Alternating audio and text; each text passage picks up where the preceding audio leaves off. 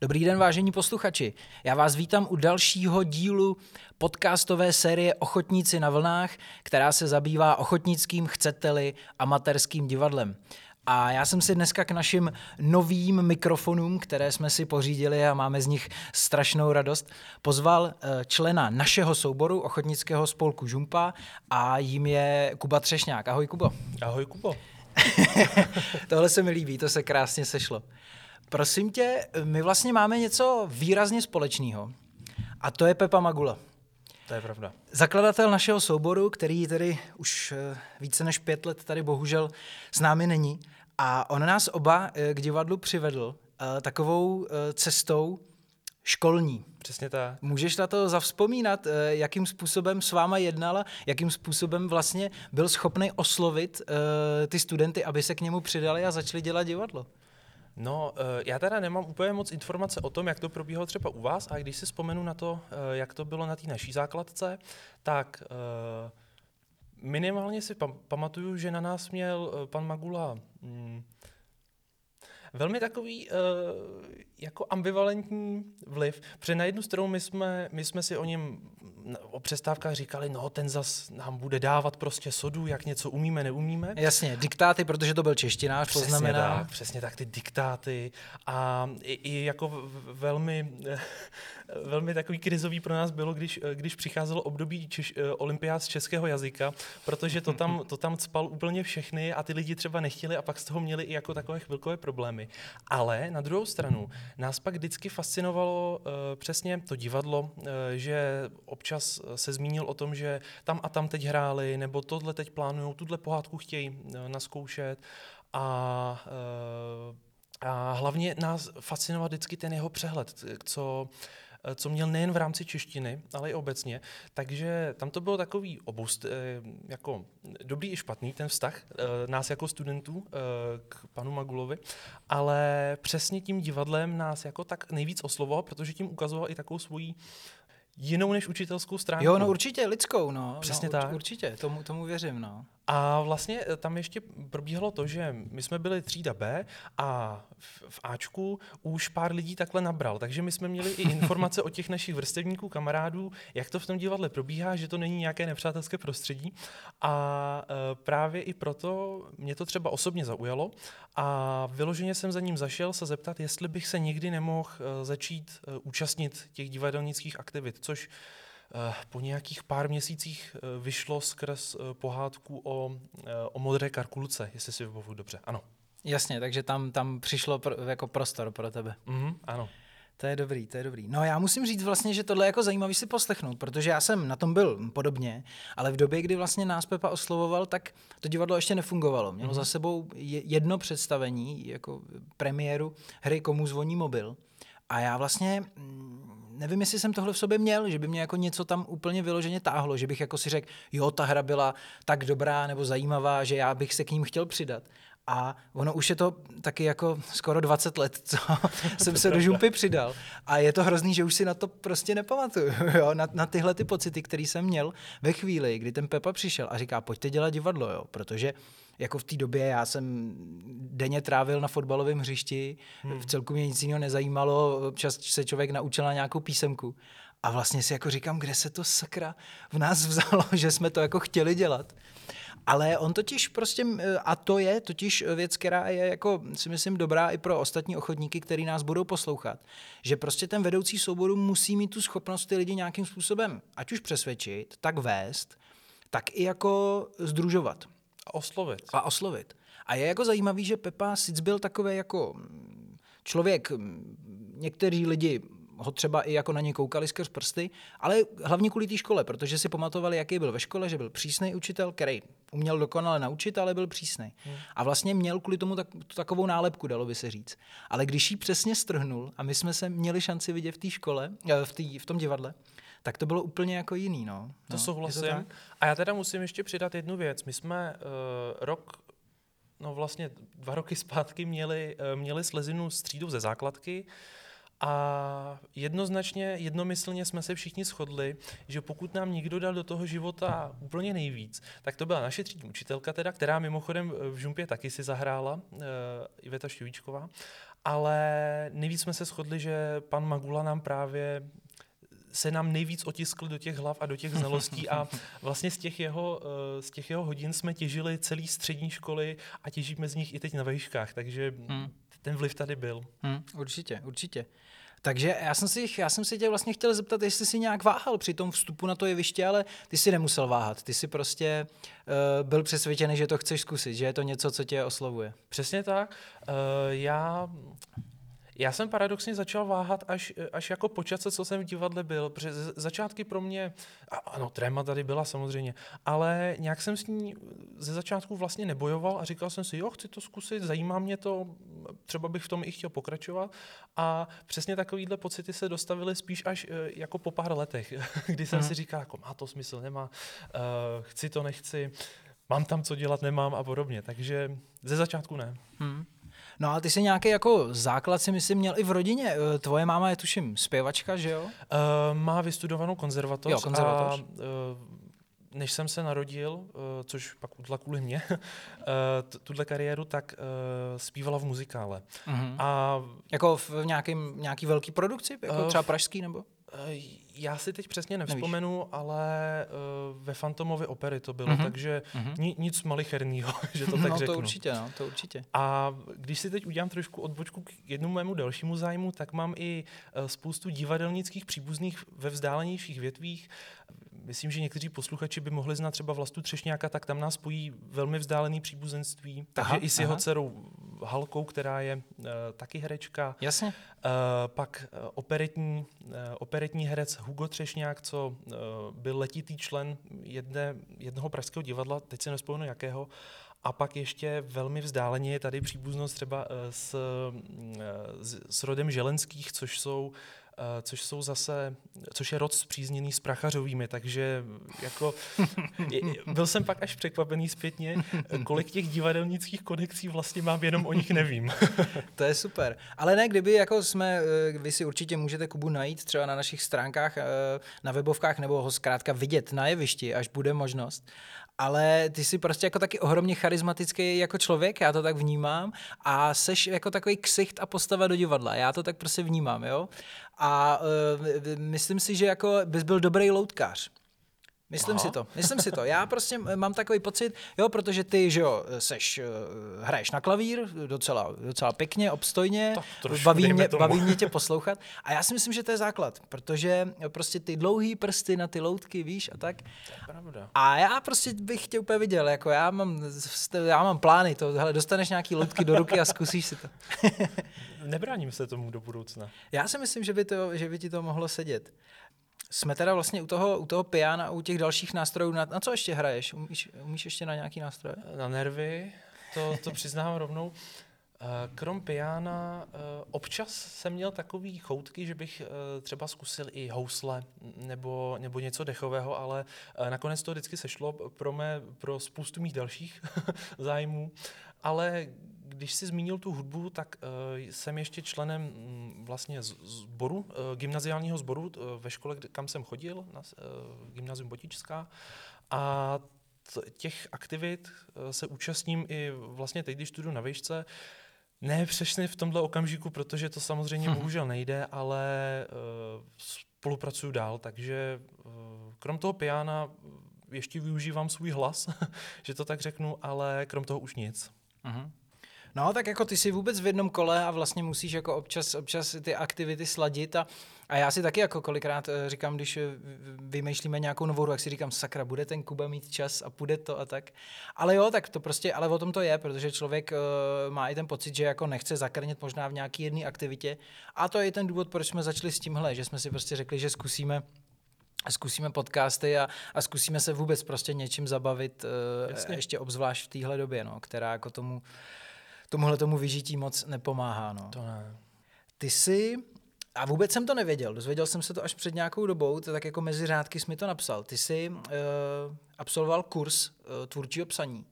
A to by mě zajímalo, jako, jako co se tam dozvěděl, kdo byl třeba lektor, uh, jakým způsobem to budeš dál využívat. To, jako chci, chci abys to využíval, abys psal moje cesta, co se týče tvůrčího psaní, je docela dlouhá. Eh, já jsem eh, se nějakého kurzu nebo kroužku respektive hrozně dlouho neúčastnil, ale eh, sledoval jsem různý newslettery od Reného Nekudy, což je takový autor, který se na tomhle poli v tom českém prostředí asi nejvíc proslavil.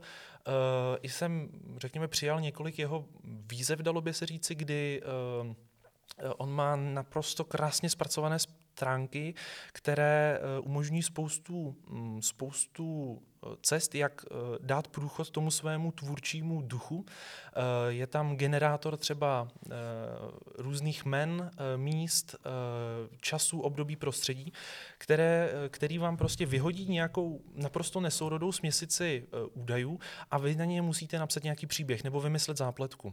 A to, tomuhle já jsem se věnoval už od nějakých 11, hm, 12.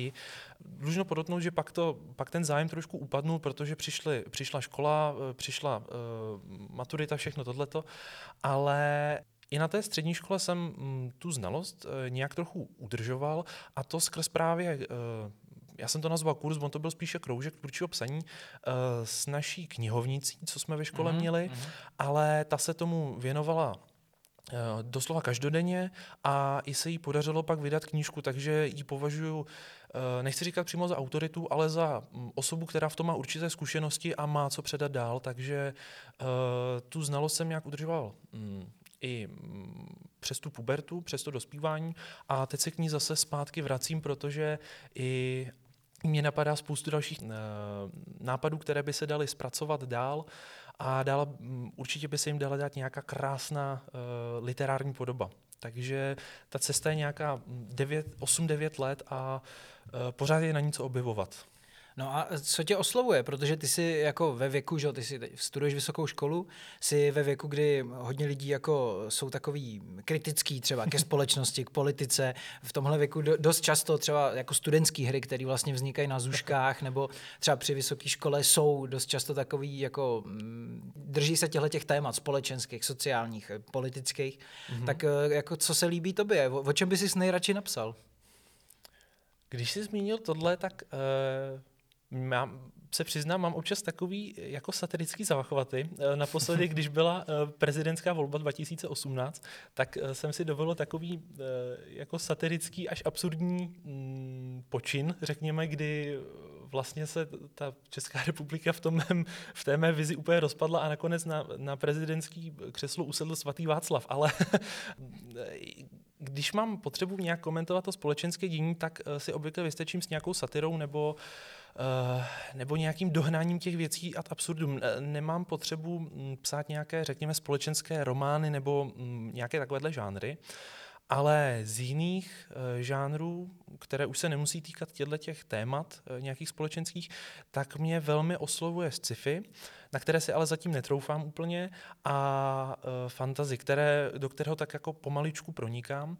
A co mě i vzhledem k povaze mého studia, Eh, baví úplně nejvíc, tak, je eh, nějak, tak jsou nějaké příběhy, které se zakládají na nějaké historické skutečnosti. Vezmu si nějakou historickou událost, skutečnost a nejlépe nějakou, o které se moc neví, aby mě pak nemohli nějací zanícení drb, čtenáři zdrbat, že no takhle tohle přece nebylo. A Jasně, tak, aby se nedělo to samé, co teď u seriálu Koruna jo, od Netflixu, jo. který je kritizovaný za nepřesnosti typu, že Diana měla jiné šaty na sobě než s puntíky, ale ano. byly s kytičkama. Ano, ano. To už je jako hodně absurdní. No. Ano, takže, takže já se obracím do té nějaké jako vzdálenější minulosti, uh, raný středověk, starověk, pravěk asi už to už je moc. a uh, tam se chytám nějakých témat, která uh, mě zaujím, zajímají a snažím se um, zatím jenom v rámci mysli uh, je nějak zpracovat, dát jim nějakou podobu, formu, hmm.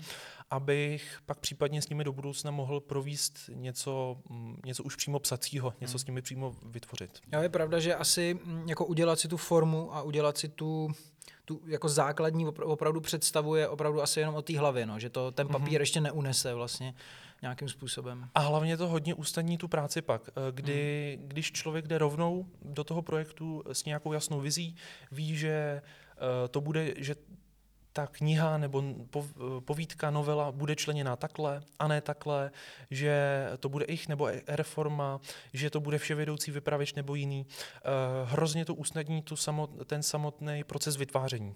Čo, a hlavně to ohromně přispěje tomu, že ten text je pak koherentní, dává vnitřní smysl a na to čtenáře působí dobře. Mm, mm. Já třeba jako jsem se teďka pustil uh, i za korony, jsem se pustil do toho, uh, že bych zkusil napsat text na loutkovou pohádku. Mm-hmm. A vlastně dostal jsem se k tomuhle tomu motivu, o kterém bych rád psal, kterýho bych se eh, týkal, kterýho by, který bych jako zpracovával. Ale vlastně jsem zjistil, že asi ve mně trošku jako vyhrává víc než autor, mm-hmm. přesně, že nemám nějaký jako základy teoretický, tak ve mně vyhrává trošku dramaturg. Aha. Protože já ani, aniž bych ten text měl, tak já už vlastně inscenuju. Jo. Mm-hmm. Já už ho vlastně převádím eh, i jako bez textu, ty situace, které mám pocit, že by v té hře teda neměly chybět, tak já už vidím na jevišti. Jo. Mm-hmm. A, a vlastně se vůbec nemůžu dostat k tomu m, mm, zpracovat tu kostru. Jo, mm-hmm. Prostě nejsem autor, jako ne, nemyslím si, že bych na to měl nějak vlohy, ale dostal jsem tak zajímavý nápad z mýho pohledu na, nějakou, na tu loutkovou pohádku, který se mi líbil, ale je jako vtipný, že já jsem ho prostě nejdřív viděl, jak by vypadala scéna. Mm-hmm. Jo, viděl jsem, jak by vypadala scéna, jak by fungovaly loutky, jakým způsobem by se pohybovaly, jak by asi měly vypadat, uh, jak, jak by měly jednat ale vlastně jsem vůbec neměl ten text, tak, tak ho, tam jsem nebyl schopný dohlídnout. Hmm. A je to vlastně uh, vtipný, protože jsem zjistil, že to je přesně ten, ta dramaturgie, že jsem zjistil to, že já ten text sice nemám, ale nějakým způsobem si ho dovedu představit, asi jenom opravdu představit bez slov hmm. a pracovat s ním vlastně v zásadě tak, jak by měl ten dramaturg, to znamená dávat mu nějakou tu jevištní podobu. Hmm. Hmm. Jo. A proto jsem se vůbec nedostal k tomu sepsat vlastně jedinou větu, protože jsem zjistil, že v tuhle chvíli pro mě ty dialogy jsou vlastně nepodstatný. Protože já to prostě na tom jevišti vidím. Mm. Můžeš si to představit. A teď mm. já to hmm. slovo jako v tu chvíli nepotřebuju. Jo? A možná je to cesta i proto, uh, zkusit spolupracovat. Že já bych jako ti představil ten svůj nápad, tu svoji mm-hmm. vizi a ty bys jí mohl dát ty slova.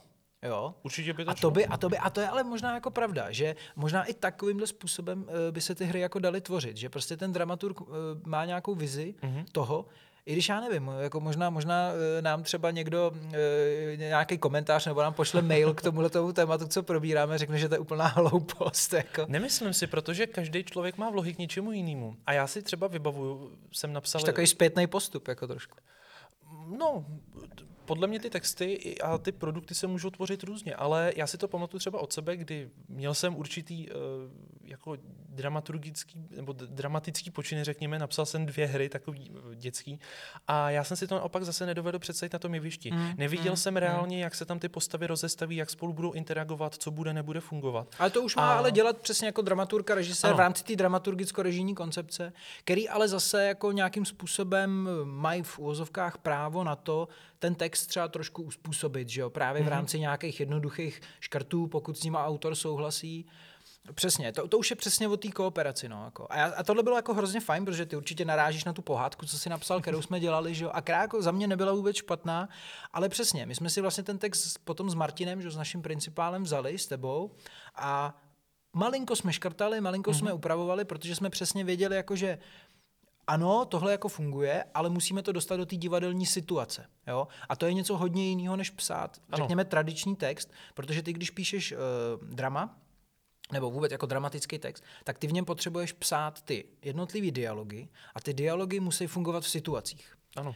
A to je přesně to, co tam třeba mohlo chybět a to je to, co tomu zase už jakoby dává ten inscenátor, který ty situace vlastně vytváří na základě toho textu. No. Jo, to, to literární vyjádření je úplně jiný než divadelní. A vždycky je, vždycky je docela náročný to nějak skombinovat a překlenout to literární do toho divadelního a případně hmm. naopak. Takže eh, a eh, podle mě eh, to není upl- rozhodně blbost nějak takhle spolupracovat nebo takhle, protože každý má ty vlohy jiný. A hlavně má ty jiné znalosti, má jiný, mm, jiný pohled na to a e, jako podvědomě je každému blízký něco jiného. No, ne, určitě, no, určitě. Uh, a já, jako to přímo navazuje na to, na co jsem se tě chtěl ještě zeptat, jestli si, uh, protože dneska jako mezi ochotníkama hodně úspěšný uh, inscenovat nebo dramatizovat vlastně knihy, mm-hmm. tak uh, jestli je něco, co by tě takhle zaujalo, protože uh, vlastně kdo se do toho dneska pustí a kdo to opravdu udělá s nějakou jako mírou píle a nějaký jako kvality, tak většinou jsou to představení, které i třeba odbornýma porotama a vůbec veřejností jsou jako ohromně ceněný, právě protože dokážou vzít ten Přesně, jak, jak jsi o tom mluvil, že to je úplně jiný přístup. Vemou ten klasický literární text mm-hmm. a převedou ho na to jeviště, zdramatizují ho. A tohle si myslím, že je jako hodně zajímavý a kdybys měl třeba, jako kdybys něco čet, co by tě zajímalo, určitě jsem pro, určitě jako ne, neváhej se s tím i na mě obrátit, nebo jestli třeba ty si čet něco, co si měl představu, že bys jako mohl vidět na jevišti. Protože říkám, když se to jako povede, tohle jsou věci, které jsou hodně jako ceněný a jako fungují. Protože, a to ještě dokončím myšlenku, ten eh, literární základ, pokud si vybereš nějakou klasiku, řekněme, mm. nebo prostě něco ověřeného, tak je, ty můžeš spolehat na to, že je prostě dobrý. To je pravda. Jo. Že ty pokud si vemeš dobrý, vybereš dobrý eh, text, text literární, tak potom to jeviště, pokud se to dobře napíše, tak ho unese. No.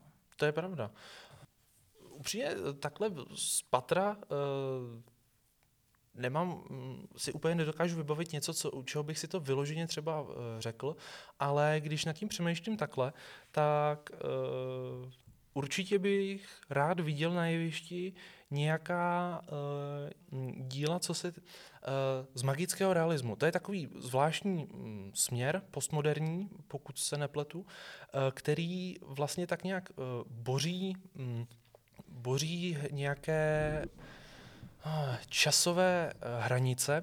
Vlastně, eh, když ten text čtete, tak on se může odehrávat jak ve 14. století, tak prostě včera. Eh, není to, ta, ta hranice tam vůbec není jasně vymezená. Objevují se tam nějaké třeba i nadpřirozené prvky, což myslím, že by právě i na, tom, na těch divadelních prknech se mohlo krásně výjímat, když se to hezky zpracuje, ale bude to, bylo by to samozřejmě náročné.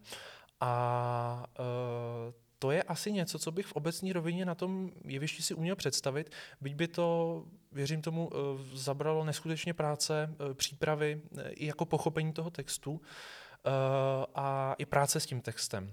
Ale magický realismus by se mi na jevišti líbil. Docela by mě zajímalo, jak by to vypadalo. A jaký jsou třeba jako autoři? Máš nějaký příklad? Mám, já teď mám Přímo v hlavě mi teď eh, vyskočila uh, jedna knížka od Ismaila, Ismaila Kadareho, uh, kdo přivezl do Runtinu. Nebudu případným zájemcům prozrazovat, o co přesně jde, ale je to kniha, která se odehrává někdy v 11. století a mě to trvalo hrozně dlouho, protože já jsem myslel, že to je nějaké 19. 20. století, ale tím jak ten autor tam ani nějak se extra nezabýval tím, jak třeba tam to prostředí vypadá, jak ty lidi vypadají, uh, jak je vzhled té vesnice třeba, kde se děje odehrával a podobně, uh, tak vlastně tuhle tu stránku té knihy a toho prostředí úplně upozadil uh-huh. a mhm. člověk neměl důvod se jí zabývat. Uh-huh. A to mě na tom právě hrozně zaujalo. A co jsem, co jsem tak jako slyšel, uh, tak to je takový jednotící prvek všech těch magických, magicko-realistických knih, že uh, tohle tam vlastně není vůbec podstatné, je to upozaděný. Hmm. Což mě letmo připomíná třeba tu hru, co jsme uh, zkoušeli a ve které jsem hrál za zaračné křeslo, kdy vlastně tam jsme si s touhletou rovinou taky hráli, že původně to byla hra někdy ze 20. let, 20. století a my jsme ji časově tak trochu posunuli do, do těch 50. řekněme let. Uh, ale uh, přesně ten časový údaj pro ten, pro ten děj samotný nebyl zase tak podstatný, jako to může být u jiných her, hmm. nebo případně děl. A tohle je, jako je zajímavý i z pohledu třeba právě inscenátora nebo i třeba scénografa. A tohle vlastně by si myslím jako jevišně mohlo fungovat i z toho důvodu, že ty pokud uh, to nemáš nikam zasazený, tak potom eh, máš vlastně ohromně, uh, ohromně otevřený prostor i v rámci té jevištní realizace a v rámci mm-hmm. té uh, scénografie. Protože ty pokud nemusíš mm, řešit, kdy se to odehrálo, tak potom se to může vlastně odehrát kdykoliv, mm-hmm. kdekoliv a v čemkoliv. To je no. pravda. To znamená, i, i ta scenografie je vlastně, to je jako výsostný, výsostný prostor pro to se umělecky vyžít. Mm-hmm. Protože ty, jestli tady postavíš opravdu jako čtyři stěny nějakých středověkých hradeb na jevišti, mm-hmm. a nebo sem přineseš eh, rozstříhaný igelit, který tady rozvěsíš a uděláš, jo, vlastně je to jako věc, která eh, pokud si nějakým způsobem ty jako inscenátor obhájíš, mm-hmm. pokud budeš vědět, proč tu scénografii takhle zpracováváš, bude vlastně jeden z prvků, eh, který vytváří tu inscenaci Jasně. a bude jevišně fungovat společně s těma ostatníma, tak to jsou jako nekonečné možnosti. A v tomhle je to teda hodně zajímavý. Určitě. A já si právě i říkám, pokud by se třeba ta literární rovina té nedefinovanosti přenesla i na to jeviště, mm-hmm. tak by to přesně mohlo být rozstříhaný igelit. To je něco, v čem si každý ten divák může najít něco úplně jiného. Někdo si řekne, aha, igelit, to je plast prostě, takže 20. století, ropa, všechno tohleto. Někdo si řekne, aha, ty cáry vypadají jako něco uh-huh. a evokuje mu to zase něco jiného. A pro každého ten příběh může mít úplně jiný vyznění. A to je právě, co se mi na té nedefinovanosti toho magického realismu, ale potažmo i třeba jiných děl líbí. Tak to je, to je pěkný. To, jako, to, hned, hned prostě mi to uh, jako navodilo různé myšlenky přesně. Jako, že tohle je prostě věc, která jako s tou se dá pracovat. Jo? Je to spoustu práce, ale my jsme se třeba o tom bavili už v jednom z minulých podcastů s Jirkou Jahodou, mm-hmm. který vlastně přesně popisoval tenhle proces, že jeho jako baví každá ta složka, každá ta část toho procesu, mm-hmm. toho divadla ho baví. A tohle se mi ohromně líbilo, co říkal. A líbí se mi to, že i v tomhle, jako to by byla ohromná, jako náročná mravenčí práce, nějakým způsobem to vymyslet, že převést to na to jeviště i vůbec zdramatizovat ten samotný text, Rozhodně. klasicky literární, ale úplně se mi to líbí, líbí se mi to, jo? Je, je, to, je to hrozně fajn, když potom jako člověka, eh, který to divadlo dělá, i tyhle věci jako neotráví, že vlastně si v každý té složce, kterou potom vytváříš, najdeš něco, co tě na ní baví. A uh, musím říct, jako, že jsem k tomuhle tomu dospěl teď v poslední době a jako mm. ohromně si to užívám. Že je hrozně fajn, když vlastně uh, tě to divadlo, který děláš hrozně rád všechno, ale je hrozně fajn, když tě jako nic neotráví. Že jo. tě to baví i na tý, že tě to nebaví jenom z toho hlediska, jako něco jsem odehrál, lidi tleskali, ale prostě i ponořit se do těch detailů a ne. vyhrát si s tím. Přesně Super. tak, přesně tak, jo. A proto třeba já i ví, že se o to jako i společně s Martinem snažíme zapojit ostatní právě členy, aby třeba nebyli jenom ty herci, aby přemýšleli i trošku jinak, aby přemýšleli, že jsou tu ty další právě složky, které mm. potom to jeviště musí přenést, musí jako realizovat, aby ten divák měl ten pocit, který z toho představení má mít. Jasně. A aby si vlastně jako i v tomhle našli nějakou určitou zálibu. Jo?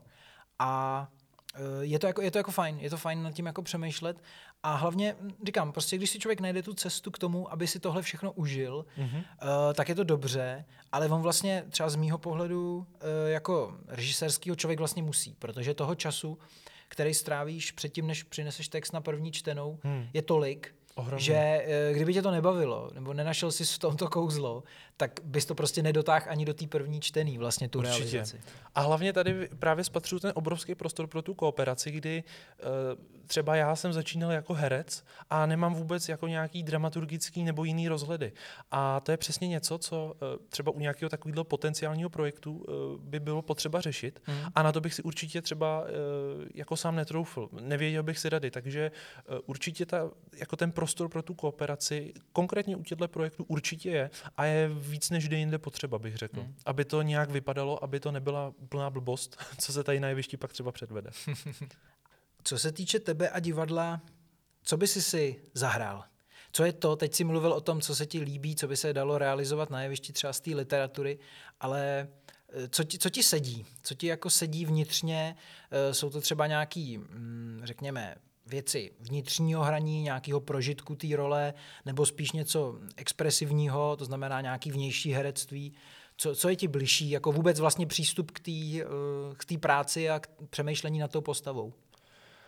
Já, abych se přiznal, tak uh, mě ohromně lákají uh, nějaké psychologicky složité postavy. Nějaké, ať už postavy, které prochází nějakým psychologickým vývojem eh, v rámci té hry, v rámci toho díla, i třeba eh, z jednoho aktu do druhého. A nebo postavy, které mají ten eh, psychologický život natolik složitý, že vlastně trvá celou hru, než ho odhalí tomu divákovi do té podoby, aby mu všechno zapadlo. Což je něco, co mě ohromně láká. A nejen v divadle. Ale v, myslím si, že zatím na to herecky úplně nemám, abych to stvárnil natolik dobře, aby abych to za prvý já něco měl a za druhý, aby z toho měli něco diváci. Ale uh, ta práce na tom vnitřním světě, z toho hereckého hlediska, to je něco, co je, co je mi ohromně blízký a ohromně mě to zajímá. A v čem si myslíš, že jako jsou teďka ty tvoje, nechci říct bloky, ale prostě v, v, čem, v čem jsou ty, eh, ten, ten, jako ta, ta zeď, kterou teď musíš jako přelíst a překročit? No, uh, především to, že Když je někdo smutný, tak každý reaguje úplně jinak. Někdo se rozbrečí, někdo se stáhne do sebe, někdo jde někomu rozmlátit hubu, že to tak řeknu. A uh, tam je právě problém, jak, ty, jak tu emoci nebo obecně ten vnitřní stav uh, nějak zgeneralizovat a vyjádřit tak, aby byl srozumitelný každému. Protože uh, není, není tu jednoduchá souvislost, že prostě brečím, tak jsem buď smutný, nebo, naž, nebo, nebo natěšený, nebo překvapený ničím, až tak moc, že brečím. Každá, každý tenhle ten projev v sobě nese spoustu uh, jako aspektů dílčích emocí a v každém může evokovat něco úplně jiného. A pro, pro mě je hrozně složitý vyjádřit nějaký konkrétní pochod, emoci, uh, pocit tak, aby to bylo každému nějak univerzálně srozumitelný. A aby si to každý přebral minimálně uh, tak, aby to dávalo smysl v kontextu té hry, že nemusí si to každý vyložit přesně uniformovaně stejně, ale minimálně tak, aby mu to zapadlo v kontextu třeba té postavy jako celku, nebo toho děje, nebo té hry. A, te... a já, já bych se tohle nebál, ale Tohle bych se nebál. Jako, e, možná, možná nevím, jako ne, nepochybuj o, o tom. Nepochybuj Dobře. o sobě v tomhle smyslu. Ne, tak takhle. Za prvé, samozřejmě by tady měl být režisér který mm, tohle dohlídne. Který prostě dohlídne, zda to přes tu rampu jde, zda mm-hmm. ten divák je nějakým způsobem oslovený tím, jakým způsobem ty jako eh, hraješ, ale ne jako hraješ, ale prožíváš právě ty mm-hmm. situace, které se tam dějou a vidí hlavně i ty motivace. Vidí, vidí ty motivace, proč tak jednáš, z jakého mm-hmm. důvodu. Jo. A tady je jako důležitý si říct, že člověk musí jít opravdu mnohem hloubš. Že ty, když máš být smutný, tak nemáš hrát, že jsi smutný. Mm-hmm. Ty máš vlastně vědět, proč jsi smutný. Mm-hmm. Jo? A potom, a potom uh, ty, ty prostě jako v úvozovkách hrát nemusíš, protože ty víš, proč jsi smutný a, a prožiješ si to. A vyjádříš jo? to. Mm-hmm. Jo? Mhm. A to je právě zase jako druhá věc, kterou člověk musí už trošku jako uh, si v sobě nastavit, protože ty si to nesmíš pustit k tělu, aby si opravdu smutný byl. Mm-hmm. Protože potom to člověka je schopný jako ničit. Je, je schopný, to pokud si to opravdu prožiješ, tak potom to můžeš vnímat opravdu hluboce lidsky v sobě, ve svém nitru, v mm-hmm. duši a může tě to rozhodit. A zranit. Takže, mm. No, je, je jako zajímavý, že v tomhle jako vidíš problém, nebo ne problém, ale že, že prostě je to něco, co si ještě možná nedokážeš uh, připustit, že by si si třeba pustil do sebe. Jo, já se obávám, jo, že bych pak, já se pak právě obávám, že bych uh, těžko hledal tu hranici mezi tím, co je ještě moje a co už je toho té postavy třeba. To e, samozřejmě, nebo jsme amatéři, takže nedokážu úplně říct, možná by nás nějaký e, profesionál e, opravil, ale to si myslím, že už člověk musí dohlídnout v sobě. Hmm. Že už musí zjistit vlastně, jak moc sám si to prožívá a jak moc mu z toho třeba není dobře hmm. a jak moc to prostě stačí pro tu danou postavu. No. Ale já si myslím, že je opravdu vždycky jako hrozně důležitý si říct to proč, proč jsi smutný. Jo? Je, tu prostě, je tu nějaká situace, která se stala, každá postava vnímá jinou motivaci, mm-hmm. jak fungují, a ty na základě toho si řekneš, tohle se mi nelíbí, takhle já budu, takhle vlastně já jednám. Jo? Mm-hmm. Ale, ale přesně jde vždycky o to, že se nesmí stát to, že víš, že máš být smutný, tak to hraješ. Hmm, Ty hmm, prostě jasně. jako musíš vědět, proč jsi smutný a, a nějakým způsobem jako fungovat takhle. No. No. Určitě.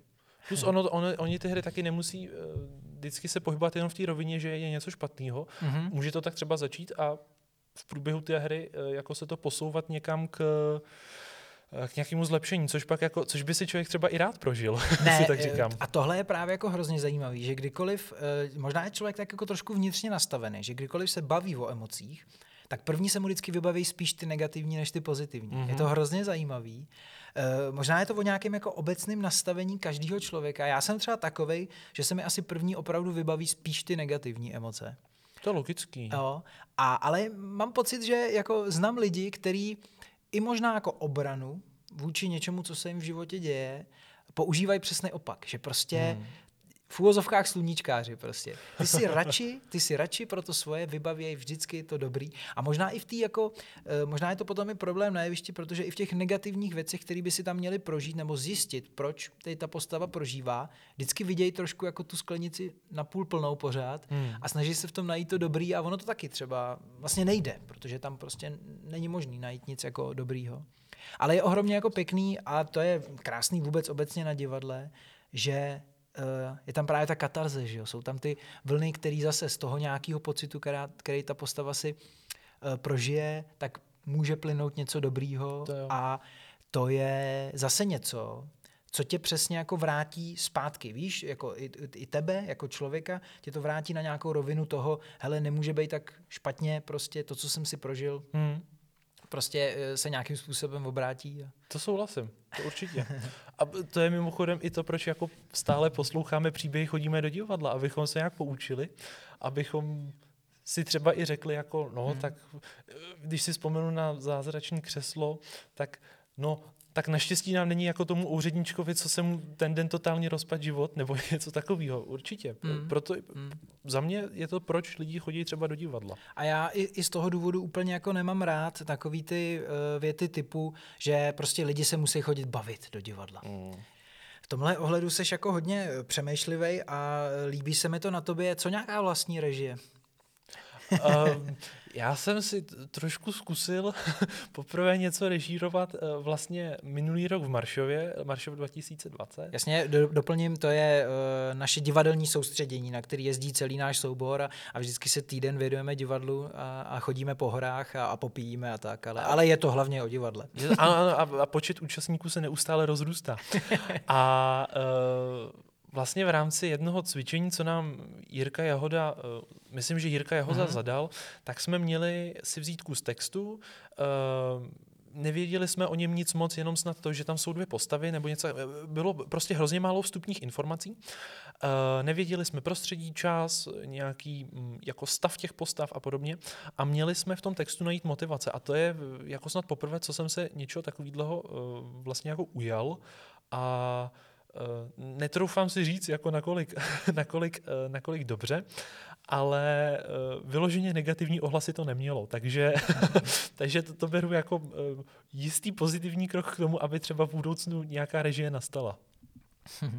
No a kde bys jako lovil? Ja- Jakým způsobem bys eh, si myslíš, že bys vybíral text? Jako? Tak bylo by to pravděpodobně asi něco hloubavějšího, něco, kde bys mohl přesně jako si pohrát i s, těm, s tou psychologií postav. Asi bys si nevzal nějakou uh, situační komedii, nějakou. Jako. Uh, jako je pravda, že situační komedie úplně ten prostor nenabízí k tomuhle, ale uh, co je třeba ohromně zajímavý pro mě, uh, může to být jak to psychologicky, co, co, o čem jsme mluvili, anebo obecně střed nějakých kultur, což je něco, k čemu i díky svýmu studiu jako přičichávám velmi hodně uh, a nudí mě to třeba přemýšlet i o české kultuře, sobě, eh, jako svém nastavení a podobně. A uh, myslím si, že to je třeba i nos, velmi nosný téma, který má lidem co dát. Vidět prostě, jaký jsou zvyklosti, mentalita jiné kultury. A to je něco, do čeho bych se rád opřel. A tím pádem bych eh, se, umím si představit, že bych se třeba režijně nebo jinak věnoval eh, nějaký zahraniční hře, konkrétně teda albánský, což je jazyk, který studuju Mhm. v současnosti, eh, protože to je kultura ovlivněna úplně jinými prvky než ta česká, vyrůstající na, na spoustě základů. My tady Češi vyrůstáme v podstatě na jednom, na dvou, na nějakém slovanském a germánském okruhu, když to tak řeknu, a všechno je to křesťanský, když to ta Albánie je, to je úplně jiný svět. Eh, Úplně jinak tam přemýšlí. eh, I ta mentalita je prostě ve spoustě věcí odlišná a myslím si, že eh, spoustě lidem by to mohlo co říct, protože by právě věděli, jaký třeba Češi nejsou, nebo co Čechům chybí v uvozovkách. A t, eh, řeknu, můžu říct, že to je něco, co by mě určitě, eh, co by mě určitě bavilo a bavilo by mě to hlavně předávat eh, českému publiku. A znáš nějaký teda albánský autory jako zajímavý, nebo máš už načtený nějaký dramata albánský? Uh, jo, já jsem teda v tomhle na začátku, protože ještě neumím tak dobře. Ale... No ne, tak mohl by se číst i česky, jako spíš jako ty autory. Oni nejsou. Nejsou překlady. Nejsou absolutně překlady. Mhm, Uh, maximálně v angličtině možná. Uh, ale určitě jeden takový první albánský dramatik, uh, Andon Zako Čajupy, který právě uh, je první takový, uh, řekněme, společenský kritik.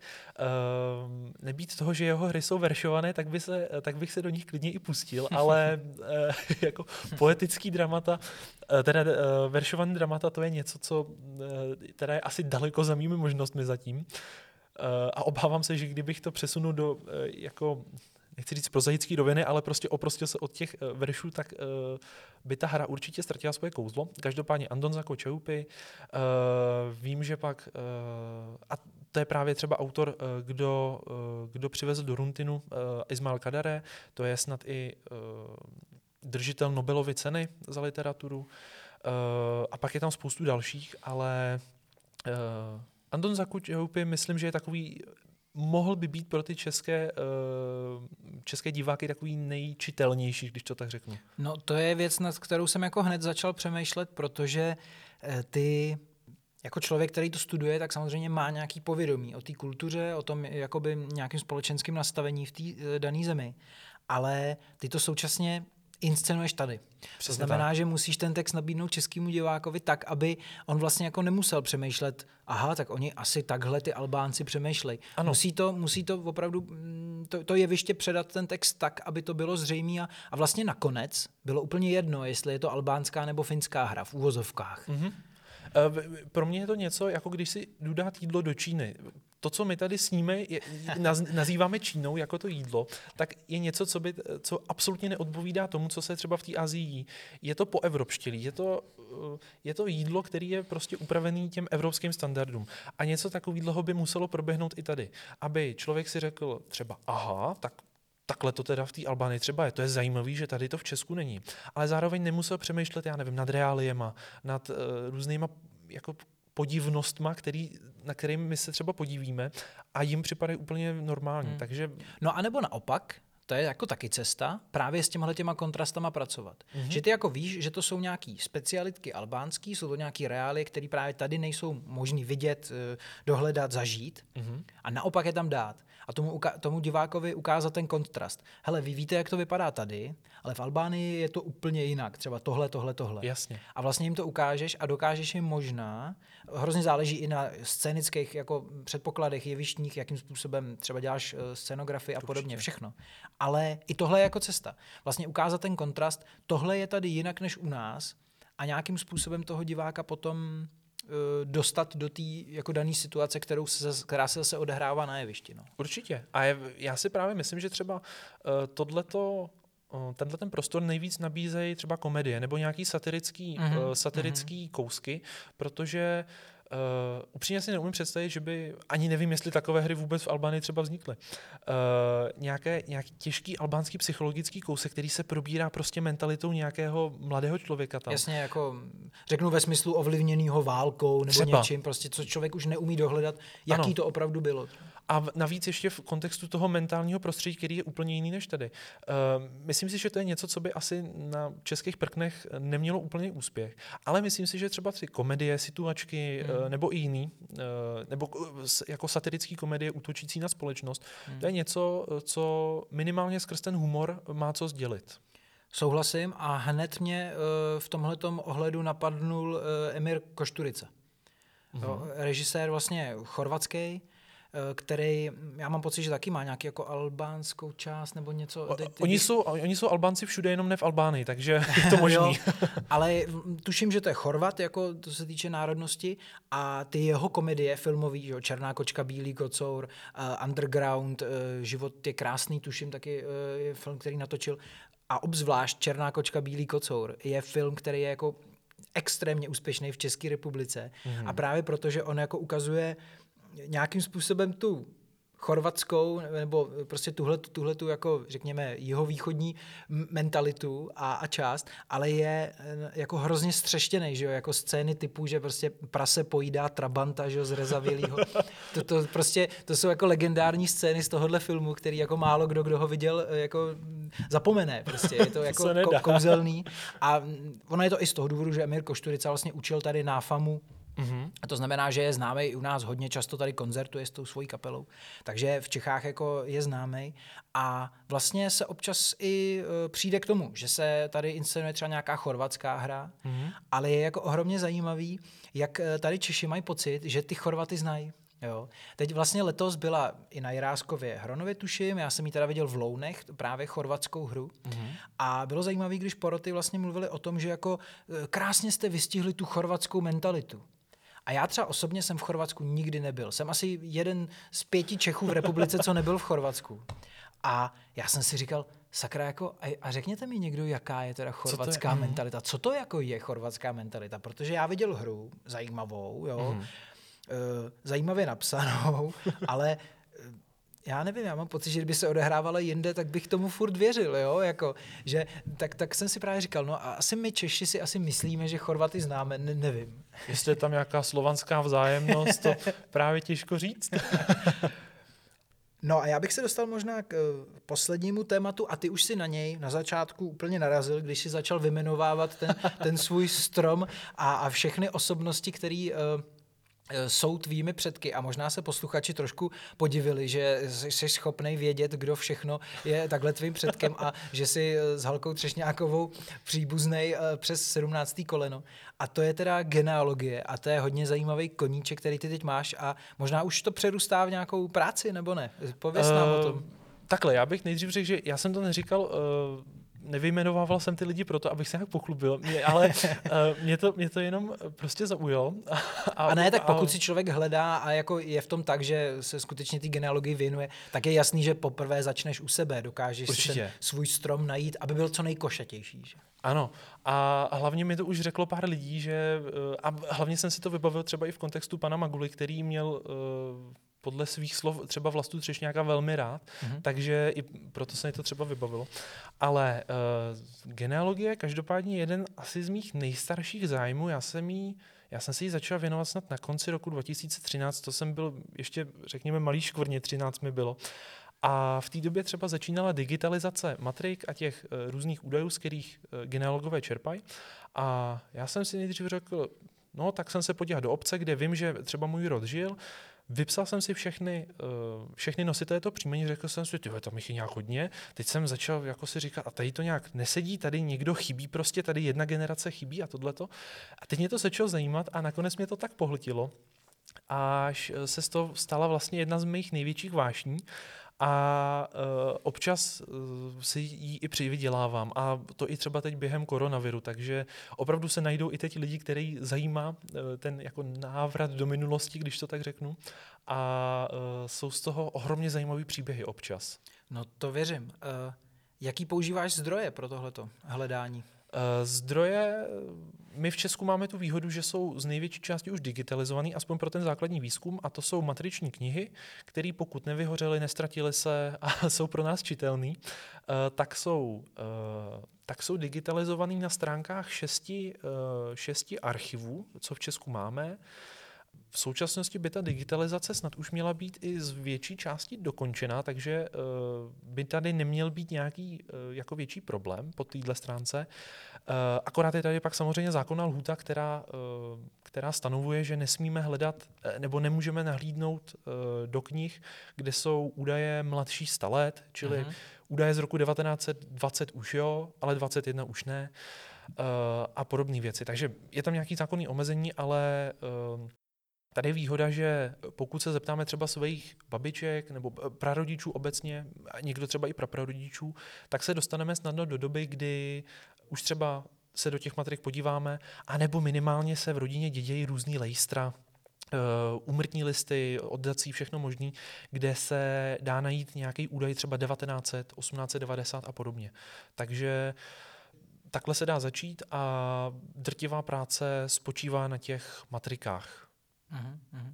No já jako nechci působit moc chytře, jenom jsem si to rychle vygooglil, jako co, co se týče té tý genealogie, ale zaujalo mě, že vlastně základem, nebo jedním ze základů pro tu práci je právě jako ta paleografie, to znamená jako zabývání se nějakým vůbec písmem a číslicema. Mm-hmm. A je tohle taky něco, co jako se učíš teďka, nebo potřebuješ to skutečně k tomu, abys přesně jako i, jak jsi říkal, že to musí být čitelný, to znamená, že se m- mohli používat i nějaký jako m, jiný písma a podobně? Eh, je to shodou okolností dokonce i něco, co jsem měl jako povinný předmět na, uh, ve svém vysokoškolském studiu, krom albánštiny ještě studiu historii. A tam mi právě třeba ta zkušenost s těmi matrikami ohromně u, u, jako usnadnila tu práci protože uh, ne vždycky se psalo jako dneska, to je jako základní předpoklad, a hlavně ne vždycky se, psalo, ne vždycky se psalo česky. Takže pak tak prostě... to asi bude určitě Němčina, že jo? Němčina a latina. Hmm. Uh, ale jako nechci nějak to demonizovat, protože to je obvykle pár ustálených frází, který se člověk rychle naučí a uh, naučí se je rozpoznat. Takže už ví, že tímhle se zabývat nemusí, protože to je jenom nějaký kněz a to není prostě pro potřeby do dokumentu důležitý. Každopádně uh, ta paleografie, uh, ta znalost starých písmem nebo respektive uh, umění v nich číst je velmi důležitá a člověk se ji nenaučí jinak, než že prostě do toho skočí a začne nějak plavat. Uh, způsobí pár kiksů a vůbec to není nic špatného, prostě se k tomu může po pár měsících vrátit, říct si, to jsem byl blbej, tady, tady je úplně jasný, že to je prostě Karel a ne Honza a tohleto, ale k té práci to aspoň ze začátku patří a uh, nedej bože, když vám ten rodokmen uteče do zahraničí, protože tady kam to může utíct nejčastěji na Slovensko a tam je to zase maďarština. A takže člověk je neustále postav... Člověk už si myslí, že prostě, no tak jsem se naučil číst prostě tu, to 17. 18. století, německy, latinsky, no a teď zjistí, že větev mu utekla do Uherska vlastně bejvalýho a, a zase představ, postavený před novou výzvu, takže ta práce na tom neustále někam posouvá. to, je, to je moc pěkný, no. Je, je to jako uh, opravdu zajímavá, zajímavá práce, on se mi to jako líbí, tohleto dohledávání. Kam se nejdál dostal? Uh, co se týče třeba příjmení Třešňák, což je uh, moje jako otcovské příjmení, jak, jak to ta genealogická hantýrka nazývá, tak to jsem dohledal až někam do roku zhruba 1616, čili před začátek 30 letý války. Akorát teda uh, to přeci trošku nevychytali, protože ten úplně nejstarší předek se jmenuje Řehoř, Tře- Řehoř Třešňák a jak asi slyšíte, tak já, já s tím mám trošku problémy. Takže se s tím radši moc nechlubím obvykle. Ale um, rod pochází uh, vlastně z Kouřimska, což je v jednu dobu to bylo dokonce město, které svým významem konkurovalo Praze a kdyby se ta historie ubírá trošku jinou cestičkou, tak místo hlavního města Prahy máme hlavní město Kouřim, takže ten rod pochází z místa s opravdu dlouhou historií, která se i týká počátku českých dějin. A úplně nejstarší záznam, to je snad nějakých 1580, ale to jsem nedohledával já, to eh, v, eh, v kooperaci s jiným badatelem, se kterým mám stejné předky, tak eh, to je údaj, který dohledal on, 1580. Mhm. Tak to už je pěkný. My jsme uh, tahle ten úkol jednou dostali v rámci hodin dějepisu, Aha. tady na Nučické základce. A e, já teda tuším, že jsem se dostal asi k prababičce svý babičky. To znamená, že jsme jako byli při nějakým datu narození okolo 1820 možná. To je ale hodně nějak. dávno. Jo, takže to, to jsme se dostali a bylo to celkem jako fajn, protože vlastně i babička jako, na, jako tyhle ty lidi vlastně věděla, jak se jmenují, na to jako mm-hmm. věděla, jo, protože věděla samozřejmě, jak se jmenovala její máma, věděla, jak se jmenovala babička, věděla, jak se jmenovala její babička mm. a potom Jasně. možná nějakým způsobem, jestli jsme přesně měli takovýhle, jak říká, že se skladují mm. nebo dědí nějaký určitý doklady vlastně po, po předcích v rámci rodiny, tak tyhle měla a dostali jsme se jako docela daleko a tenkrát jsem to ještě doved eh, do takového stavu, že jsme se rozhodli, že to uděláme i s fotkama. Aha, to je ale hezký. A pořád to doma mám, za skříní teda jako tuhle tu dřevěnou desku, na které jsou ty jména a jsou tam fotky. A eh, co se týče fotek, tak jsme se teda dostali uh, k prababičkám. No. Jo. No ono, taky ta fotografie tady nemá takovou tradici. A já můžu říct, že pro každého badatele je každá fotka úplný dar, protože eh, já třeba v programu, kde si sestavuji hm, ty své předky, ty větve, tak mám nějakých skoro 8 tisíc lidí, eh, ať už to jsou příbuzní předci a podobně. A prostě to je z velké části jako anonymní skrumáš lidí, o kterých jako nevíme, krom těch základních životních údajů třeba nic. A každá fotka je prostě úplný dar, protože to na vás úplně jinak dechne, ten údaj. Je to úplně úžasný. Já si myslím, že tímhle tímto můžeme uh, ukončit tenhle rozhovor. Uh, kdybyste měli zájem se dozvědět něco třeba o svý, o, o svý pokrevní linii, tak určitě uh, nám neváhejte napsat nebo napsat přímo Kubovi Třešňákovi a pokud bude mít čas, tak si myslím, že si ho na vás rád udělá a mohl by se třeba i vaší linii věnovat a zpracovat vám, odkud pocházíte a třeba byste zjistili hodně zajímavé věci. Mimochodem i jako ty, že seš vlastně z, z ohromně kulturní rodiny, která má... Ale to je vlastně jedno, jak moc vzdáleně, vždycky to může Je být to třeba tam. aspoň, aspoň eh, mililitr krve, která tě dokáže nějak formovat a, a to, jak přemýšlíš a jaký seš a myslím si, že to je to důležitý. Jako. Určitě. Eh, Já ti moc děkuju, eh, jsem rád, že jste nás poslouchali až sem a budeme se eh, společně s vámi, s vámi těšit na další epizody podcastu Ochotníci na vlnách. A díky, Kubo. No já taky děkuju a hlavně přeju posluchačům hezké zážitky.